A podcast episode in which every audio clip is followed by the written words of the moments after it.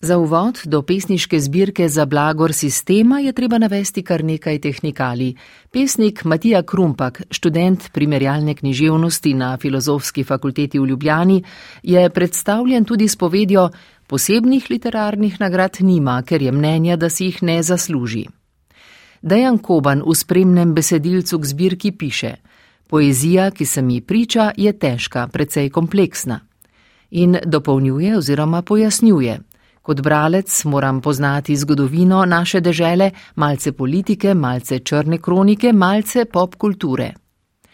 Vse navedene tehnikalije so nujne, da vsaj do neke mere prodremo do prvih zapisov v zbirki, a sporočilnosti še ne predrejo. Pot do sporočilnosti ovira, če že ne ustavlja nekakšno kazalo oziroma seznam besedil, kjer je kar nekaj besed prečrtanih, dopolnjenih številkami, ki naj bi bile vezane na nekakšne cikle, zbirke v zametku, na že odposlane pesmi oziroma na tista besedila, ki so morda pesmi. Zadeva torej ni samo kompleksna, temveč tudi zakomplicirana. Tudi pozor, naslov zbirke je za blagor sistema. V zadnjem delu knjižice, ki je naslovljen prav s temi tremi besedami, se skriva vrstica. Ne najdem svojih besed. Pesnik oziroma izpisovalec je v zagati, sistem, ki mu je sledil, ga je pustil na cedilu. Ob vsem izpostavljenem obstaja splošno sprejet vzorec, da naj določenih sklopov besed ne bi jemali iz celotne pomenske zgradbe. A pesnik oziroma izgubljenec v sistemu počne prav to. V kompleksnosti in zakompliciranosti besedno-pomenskega sistema se ne znajde, nima smeri, pa poskuša z grmadanjem smislov določiti vsaj osnovne parametre pesmi. V predzadnjem knjižnem sklopu se pojavljajo vrstice, in če utihnem, se spet zbudim, del strukture, nemarno neresen, a živ.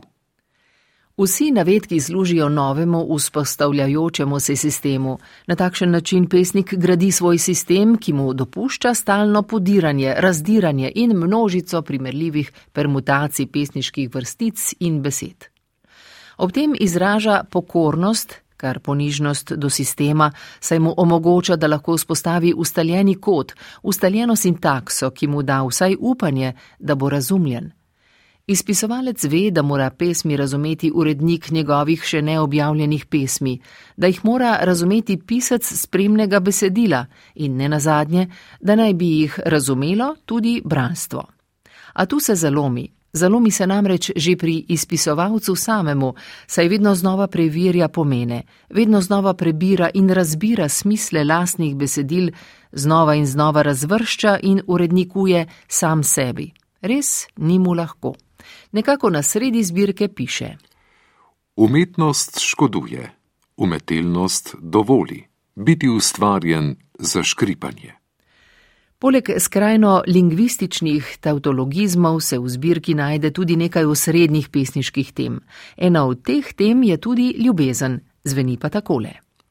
Sedela je na postaji, dol je slonila, dremala. Kdo pa je še danes trezen? Ena od tem, s katerimi se spoprijema izgubljenec v sistemu, je tudi zgodovina književnosti. Z njo opravi takole. Kako naj primerjam ime rože in krst pri savici?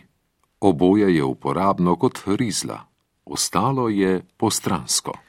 Obstaja zamisel, da je popoln sistem tisti, ki ne izloča, ki ne dopušča izjem, sistem brez podsistemov, sistem sistema.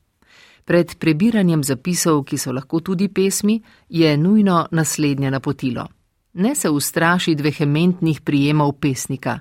Sistem je pripravljen.